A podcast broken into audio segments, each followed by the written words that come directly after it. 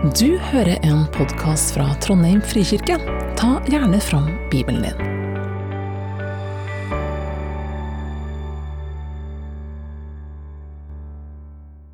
Tusen takk til Gabriel og bandet hans. Eh, Først må jeg få lov å gratulere Martin og Hanne. De har vel gått ut og gjøre viktigere ting. Nei, der sitter Martin. Godt eh, å få være med og feire velkommen som eldste og tjenere i Trondheim frikirke. Og gratulerer til alle dere andre. Jeg syns det å ha en sånn småkaotisk innsettelse er helt fantastisk. Det betyr at eh, menigheten er godt involvert, og at vi har unge ledere på vei inn. Jeg kunne sagt veldig mye mer om hvor heldige vi er, men eh, jeg har et eh, viktigere tema å snakke om. eh, Som jeg har jobba masse med. Og jeg kommer ikke til å klare å kutte ned og hente inn tida, så dere får bare henge med. Vi er altså inne i serien The Chosen, sesong to, episode seks. Som har titel, altså serien heter, har tittelen 'En smak av Jesus'.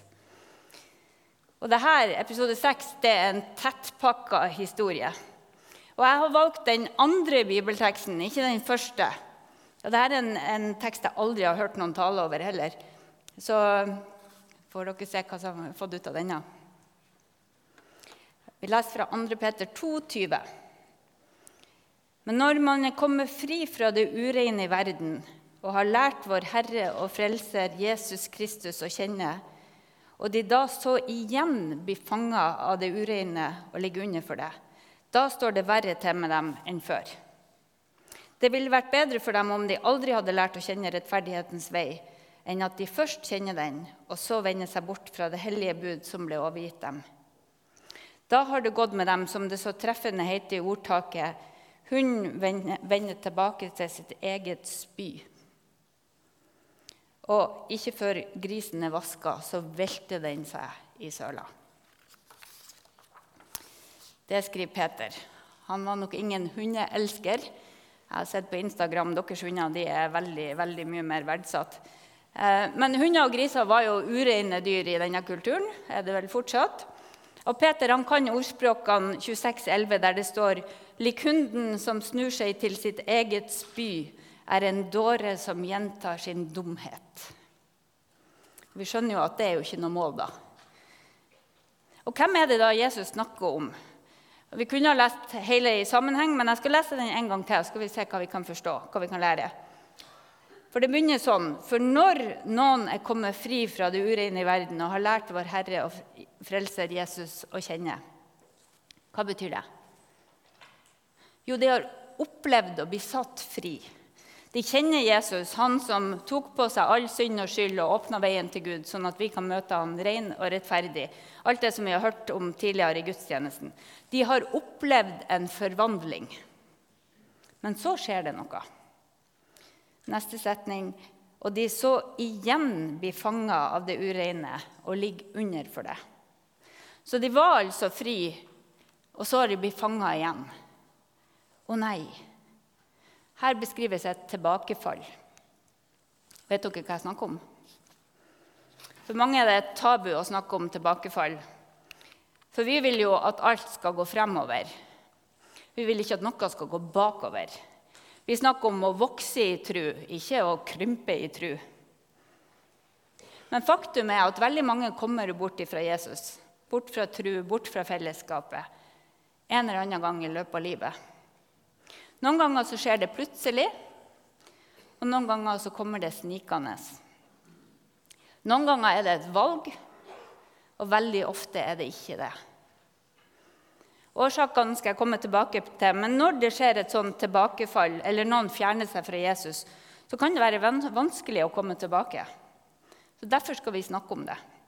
For et tilbakefall eller et frafall det vil vi antagelig oppleve. Hvis du har venner eller familie eller har gått i menighet en stund, så har du sett det skje.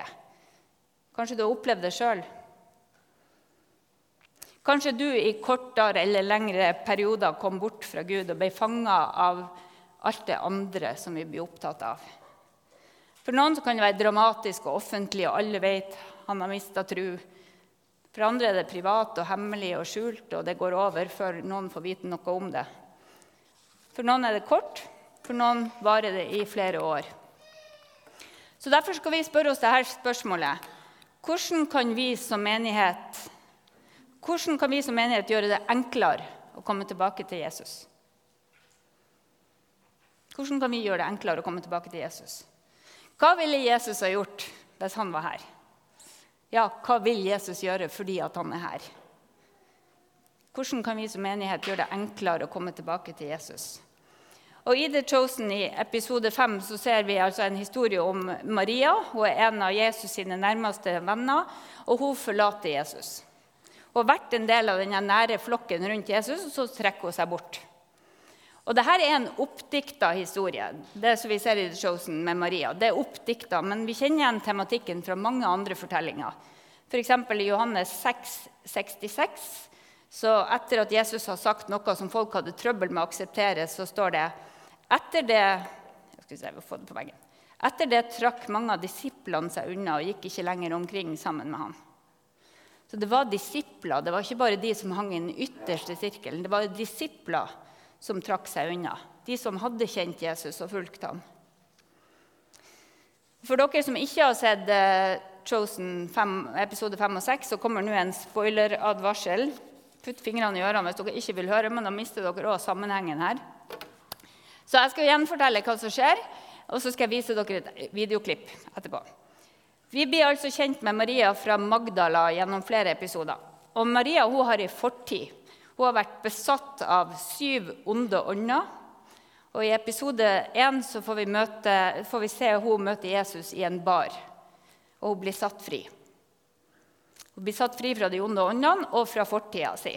Og Så skifter hun navn fra Lillit til Maria, og så blir hun med i Jesus sin flokk. Hva mer vet vi om Maria? Jo, Vi vet at Maria er veldig redd for romerske soldater. Det er noen scener der når det kommer romerske soldater, og hun blir ordentlig, ordentlig redd. Og Det er ikke rart, fordi at Maria har blitt over, utsatt for et overgrep. Hun plages av det traumatiske som har skjedd med henne. De kalte det neppe for PTSD på den tida, men Maria viser tydelige tegn på sånn posttraumatisk stresslidelse. Hver gang en romersk soldat kommer, så blir Maria redd. Og På toppen av alt det hun strever med, så opplever Maria at det kommer en mann med en ond ånd inn i leiren der de, i campen der de er. Og Han roper og skriker. Og når Maria prøver å snakke til ham, så, så, så truer den onde ånd henne å bruke navnet som hun hadde før. Han kaller henne for Lilith. Så vi ser at Maria blir skremt, og dette minner altfor mye om det livet hun levde før. Selv om Jesus kommer og setter mannen fri, og det går bra, så er Maria sterkt påvirka av episoden. Og vi ser at hun trekker seg unna de andre. Og Hvis du ikke har sett serien og du ikke hang med på denne gjenfortellinga, så er poenget at Maria hadde opplevd fæle ting før, og så hadde hun møtt Jesus, og så opplever hun noe som ligner, og hun takler det ikke. Og Hvis vi skal analysere litt mer så kan vi, skal vi se, Jeg hadde et bilde her, men det har forsvunnet.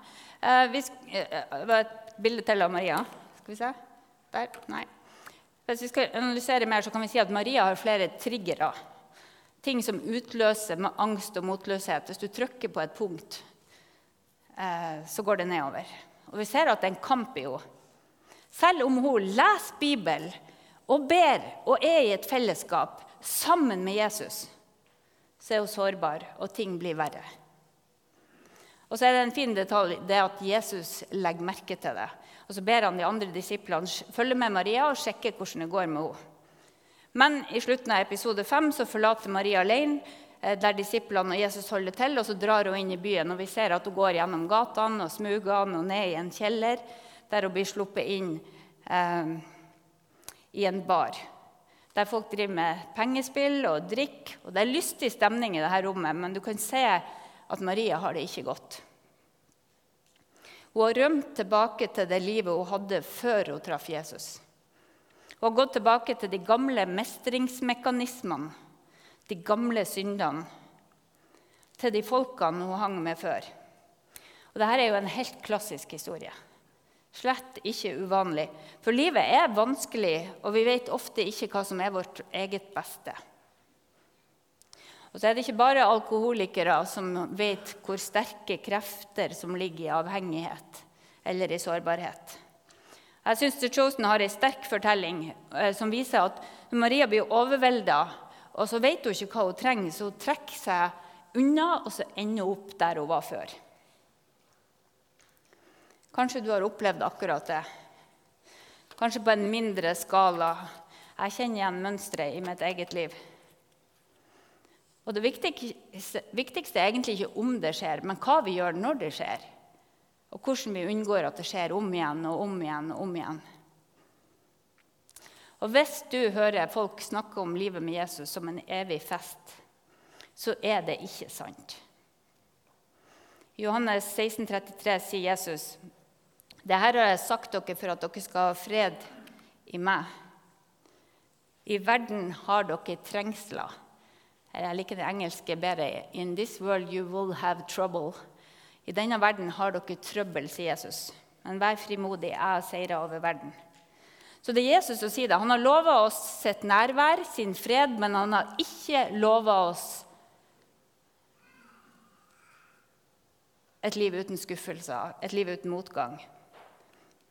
Så hvordan går det med Maria i The Chosen? Jo, eh, hun er jo da trukket seg vekk, og i, leiren så savner de henne. Og Jesus han sier til to av disiplene, Simon og Matteus, ut og lete etter henne. Og De kommer inn i denne byen og finner til slutt hvor hun er. Eh, og når de finner henne, så er hun tydelig påvirka av alkohol. Og de må overtale henne til å bli med tilbake.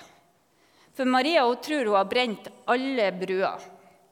Hun tror ikke at hun kan se Jesus i øynene etter det hun har gjort.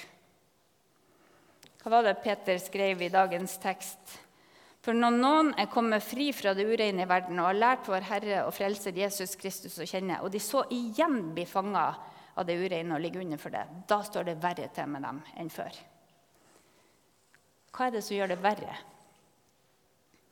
Jo, jeg tror det er at når du har møtt Jesus og begynt å følge han, og du ikke klarer det mer, du så, så, kan du ikke bare slå av det du har opplevd, det du har sett, det du har erfart.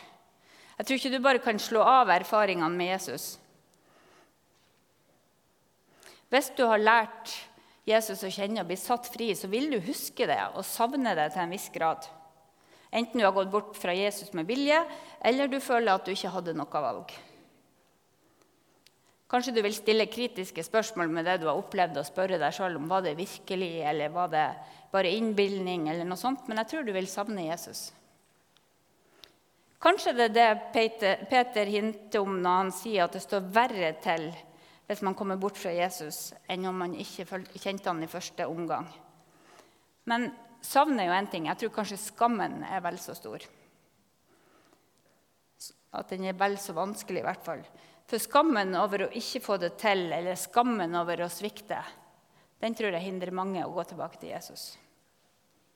Og Maria the Chosen hun er ikke klar til å komme med en gang, selv om Simon og Matteus finner henne og prøver å overtale henne. Og Da er det fint å se denne samtalen mellom de tre, fordi de tar seg ganske god tid, og så prøver de å forstå hvordan Maria har det. Og Matteus forteller om noe som han har opplevd som er vanskelig. Så de prøver å leve seg inn i hennes verden. og så forteller de Maria hva hun betyr for dem, hvorfor akkurat hun er viktig. Og så minner de om, om at hun er frelst til noe, ikke bare fra noe. Og Peter og Matteus får hun etter hvert med seg hjem. Men de, når de kommer tilbake til leiren, så tar Maria, Jesu mor, altså den andre Maria, hun tar med seg Maria inn i teltet der Jesus er. De tar henne med seg hjem. Ja, helt hjem ansikt til ansikt med Jesus. Og Det er en nydelig detalj i The Chosen. Og denne Samtalen mellom Jesus og Maria den er verdt å se. Så Vi skal slå av alle lys, og så skal vi se to og et halvt minutt fra episode 6. Og Hvis du hører på podkast og har lyst til å høre den hjemme, så er klippet fra 28 minutter og 20 sekunder inn i episoden. Snurrfilm. Ser dere Matteus står og lytter utafor, så det er vel han som skrev ned historien, kanskje. Um, vi skal se nærmere på den dialogen. Jeg beklager at det ikke kom tekst på i starten, men det er ingen problem, fordi at dere skal få høre akkurat dialogen nå. Jeg syns den er så fin at vi må ta den med oss nettopp for å svare på det spørsmålet som jeg stilte i starten. Så Vi ser altså Maria og Jesus i dette teltet, og Jesus sier at han er glad for å ha henne tilbake. Og Maria hun ser ned og så sier hun, 'Jeg vet ikke hva jeg skal si'. Og Jesus svarer, 'Jeg krever ikke mye'. Maria sier, 'Jeg skammer meg'. Du fridde meg ut, men så kasta jeg det bare bort. Og Jesus smiler litt og ser på med de gode øynene sine, og så sier han det er ikke mye til utfrielse hvis den kan kastes bort på én dag. That's not much of a redemption if it can be lost in a day. Og Maria svarer, jeg skylder deg alt, men jeg tror ikke at jeg kan klare det. Klare hva da, sier Jesus. Og Maria forklarer, å leve opp til det og betale tilbake. Hvordan kunne jeg gå tilbake til det stedet jeg var før? spør Maria. Og så sier hun det her, hun sier, jeg kom ikke engang tilbake av meg sjøl. De, måtte komme, de måtte komme og hente meg. De måtte komme og hente meg. Jeg kan bare ikke leve opp til det. Og Jesus sier, 'Det er sant, men det trenger du ikke.' 'Bare gi meg hjertet ditt. Far vil ha hjertet ditt.' Det er alt vi ber om. Gi oss det du allerede har gitt oss. Resten vil komme etter hvert. Og så denne setninga fra Jesus der han sier, 'Trodde du virkelig at du ikke kom til å streve og synde igjen?' Jeg vet hvor smertefullt det øyeblikket var. Jeg skulle ikke gjort det, sier Maria. En dag, men ikke her, sier Jesus. En dag så vil du klare å ikke gjøre det, men ikke her. Og så er jo Maria så lei seg fordi at det, liksom, Jesus sier, 'Se opp, se på meg. Jeg tilgir deg. Det er over.' Jeg vet det gjør seg mye bedre på film, men eh, den dialogen er veldig godt skrevet. Og er dette en realistisk historie? Kan det skje med oss og noen vi er glad i?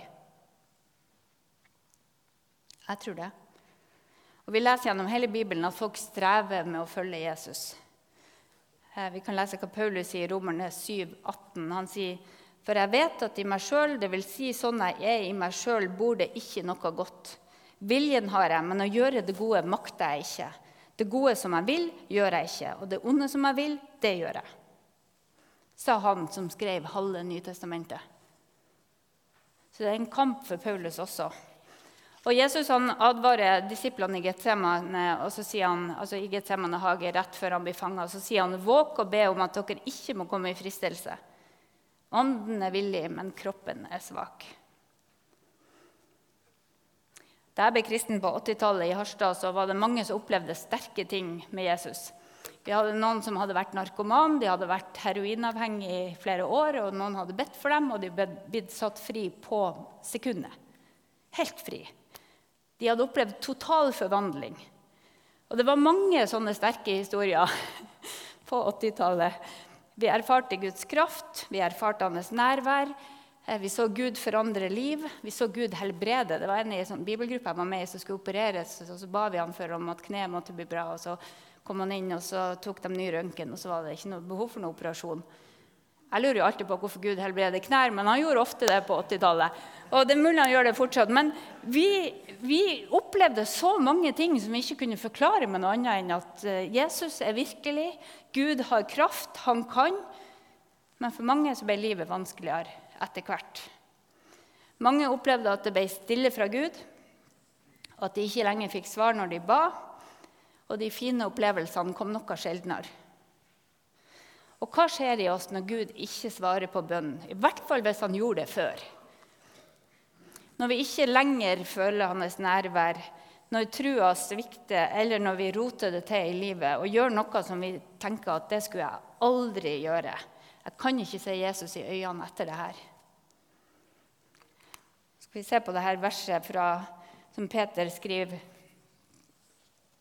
i 2. Peter 2, 21 skal lese en gang til. Det ville vært bedre for dem om de aldri hadde lært å kjenne rettferdighetens vei, enn at de først kjenner den, og så vender seg bort fra det hellige bud som blir overgitt dem. Denne teksten har vært brukt til å fortelle folk at du har én sjanse. og Hvis du er ordentlig kristen, så, så kan du ikke miste trua. Men jeg tror ikke dette handler om at veien tilbake til Jesus er sperra. For husk, hvem er det som skriver det her? Det er disippelen Peter. Han som fornekta Jesus tre ganger etter å ha sagt at han skulle aldri gå vekk. Om alle andre gikk vekk, så skulle ikke han gå vekk. Det var Peter som skriver. Han gjorde det han aldri hadde tenkt han skulle gjøre. Kanskje Peter tar en pause i skrivinga av brevet sitt og tenker tilbake på den dagen. Så husker han følelsen av å svikte så totalt. Men så husker han også at etter oppstandelsen så kom Jesus på stranda og laga frokost til ham. Peter fikk oppleve nåden. Han fikk oppleve å få et oppdrag. Tre oppdrag, faktisk. Ett og samme, men i tre setninger så får Peter oppleve nåden. Ja, du fornekta, men elsk mine, fø mine. Han satte han inn i tjeneste. For sånn er Jesus. Han gir ikke opp mennesker selv om mennesker gir opp ham.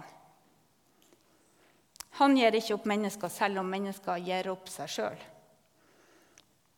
Og det er ingenting vi kan gjøre for å få Jesus til å elske oss mer. Og det er ingenting vi kan gjøre for å få Jesus til å elske oss mindre. Jesus vil ha hjertet ditt. Veien tilbake er alltid åpen. Det gjelder deg, og det gjelder alle de som du er glad i, som du håper skal komme tilbake. For et par uker siden leste jeg en artikkel i Vårt Land eh, det var om hvorfor folk mister tro. Eh, det var både hvorfor de mister, og hvorfor de får økt tro. Det er Marianne Rodriguez Nygaard sammen med en gruppe på, eh, forskere på Modum som har gjort dybdeintervju med 60 mennesker om det her med tro. Og de fant at kilder som leder til tap av tro, det er nummer én negative interaksjoner, f.eks. i kirka eller i relasjoner. Det var den aller viktigste grunnen til at folk mista trua. Det var negative interaksjoner. Og her er ei liste med sånne eksempler på det. Maktovergrep og hykleri. Negative opplevelser i kirka. Relasjonelle konflikter med mennesker som kaller seg kristen. Å bli skuffa eller å ikke få oppleve empati eller omsorg når man forventer det. Avstand mellom liv og lære. Manglende raushet og aksept fra andre. Og å bli gående lenge alene med vonde erfaringer. I denne sekken med sånn negative interaksjoner lå de fleste begrunnelsene. Og de neste to er kanskje mer eh, intuitiv. Tvil. At man begynner å tvile på det man er det virkelig sant, det man tror, har trodd på før? Og så store livshendelser som død og sykdom, som kan få alle ut av likevekt. Kjenner du deg igjen her? Så du tenker tilbake på dine truskriser. Er det noen av de her som du tenker Ja, der lå noe av årsaken. Og så er det jo veldig individuelt hva vi tåler. Sant? Noen tåler alt det her, og det går helt fint. Og noen de får det ene oppå det andre oppå det tredje. Eh, jeg skjønner godt at det kan føre til tap av tru, eller at man i hvert fall snur ryggen til menighet. For her er det mange grunner for å snu ryggen til menighet. sant? Men kilder som fører til økt tro, det er de her. Store livshendelser nederst på forrige liste. Død og sykdom kan slå begge veier. Noen søker Jesus, og noen blir skuffa og trekker seg unna. Nummer to økt bevissthet rundt tro. Altså Hvis du ønsker å vokse i tro og tilegne deg kunnskap, så er det med å øke tro. Også fellesskapserfaringer. Det å høre til en plass. Det hjelper på tro. Og så kommer åndelige erfaringer, det som vi hadde masse av på 80-tallet. Eh, og hvis du får et endra gudsbilde, eller du opplever å bli tatt imot av Jesus, så kan det være sånne hendelser som virkelig eh, hjelper trua til å vokse. Og så ved livets overganger. De her åttendeklassingene, syvendeklassingene. Altså, I overgangene mellom barneskole, ungdomsskole, ungdomsskole, videregående, videregående studier, singel, par, uten barn, med barn. Alle livets overganger, der er trua vesentlig mer formbar. Det kan dere ha med dere, fordi dere kjenner noen som har gått borte fra tru og Jesus en stund. Men nå er de snart i en overgang, og da er de mye mer åpne. Er det noen som kjenner seg igjen i det her? Her er det mange gode grunner for å bli værende i fellesskapet. Så spørsmålet jeg stilte i starten. Hvordan kan vi som menighet gjøre det enklere å komme tilbake til Jesus? Hvordan kan vi hjelpe den som har mista trua eller kommet bort fra fellesskapet? Og Her tror jeg vi kan lære mye av The Chosen. Så jeg skal prøve å oppsummere de punktene som jeg tenker at det her kan vi ta med oss. Det første er jo det at eh, Jesus sender venner for å kontakte venner. Så vi kan gjøre det som Matteus og Simon gjør. Vi kan lete. Og så kan vi bry oss, og så kan vi be for de som vi kjenner som har trukket seg bort, eller som vi ikke har sett på en stund. Og så kan vi ta kontakt. Vi kan fortelle folk at vi tenker på dem, for det er mange som ikke vet. Vi kan si at du er savna. Hvis akkurat du sier det, så kan det hende at de tror det. Det hjelper ikke om jeg og Ingebrigt sier det. Og så kan du si du er velkommen i kirka når som helst. Men hvis du ber helt konkret, så kanskje de får en grunn til å komme akkurat neste søndag eller på neste hverdagsmiddag eller på neste frik. Da gir du dem en unnskyldning for å komme på akkurat den datoen. Det er mye verre å si ja til en generell invitasjon. 'Kom på kaffe når som helst.' De kommer jo aldri. Sant? Men hvis du sier tirsdag klokka syv, så kommer de kanskje. Og så hold oppe døra i eget liv selv om de ikke vil komme i kirka. For du og jeg representerer Jesus der vi lever. Det er ikke noe minstekrav til å komme til Jesus og komme i kirka. Se om du kan holde døra åpen. Og så kan vi som menighet vi kan gi rom og tid til å finne ut av ting. Du må ikke late som om alt er ok mens du er her. Vi kan gi rom og tid. Og hvis du har en venn som sliter, så kan det være til hjelp om du er litt ærlig med egen tro, sånn som Matteus var. For når vi deler, så kan vi både trøste og så kan vi gi håp om at det den andre opplever, ikke skal vare bestandig. Det er over nå. Det er snart over. Og kanskje viktigst av alt så kan vi peke på Jesus, og så kan vi hjelpe folk til å komme ansikt til ansikt med han. Og da kan det skje uendelig mye mer enn det vi ber om og forstår. For Jesus ser hver eneste en av oss, og han vet at når du strever med tru, så strever du med tru. Og han ser det, og han blir ikke trua av det. Jesus er klar til å ønske hver enkelt velkommen tilbake.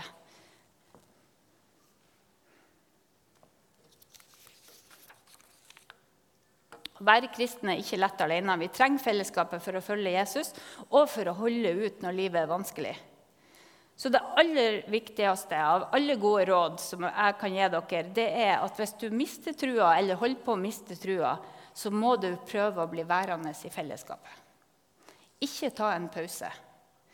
Gi deg sjøl en sjanse til å finne tilbake. Og så kan du låne tru av de som sitter rundt deg. Kan låne tru helt til din egen spirer fram igjen.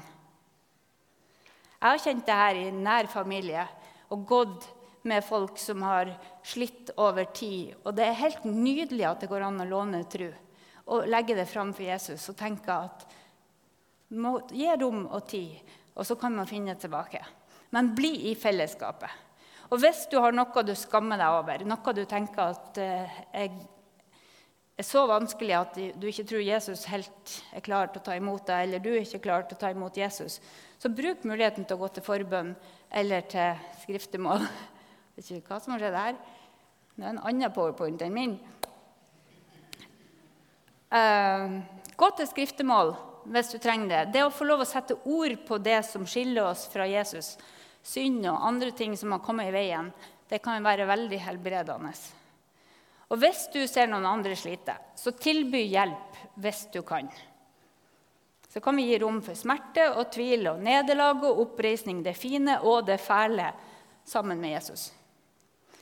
Og husk at vi tror ikke på følelsene våre. Vi tror på Jesus, han som levde, han som døde og sto opp, og som gir evig liv.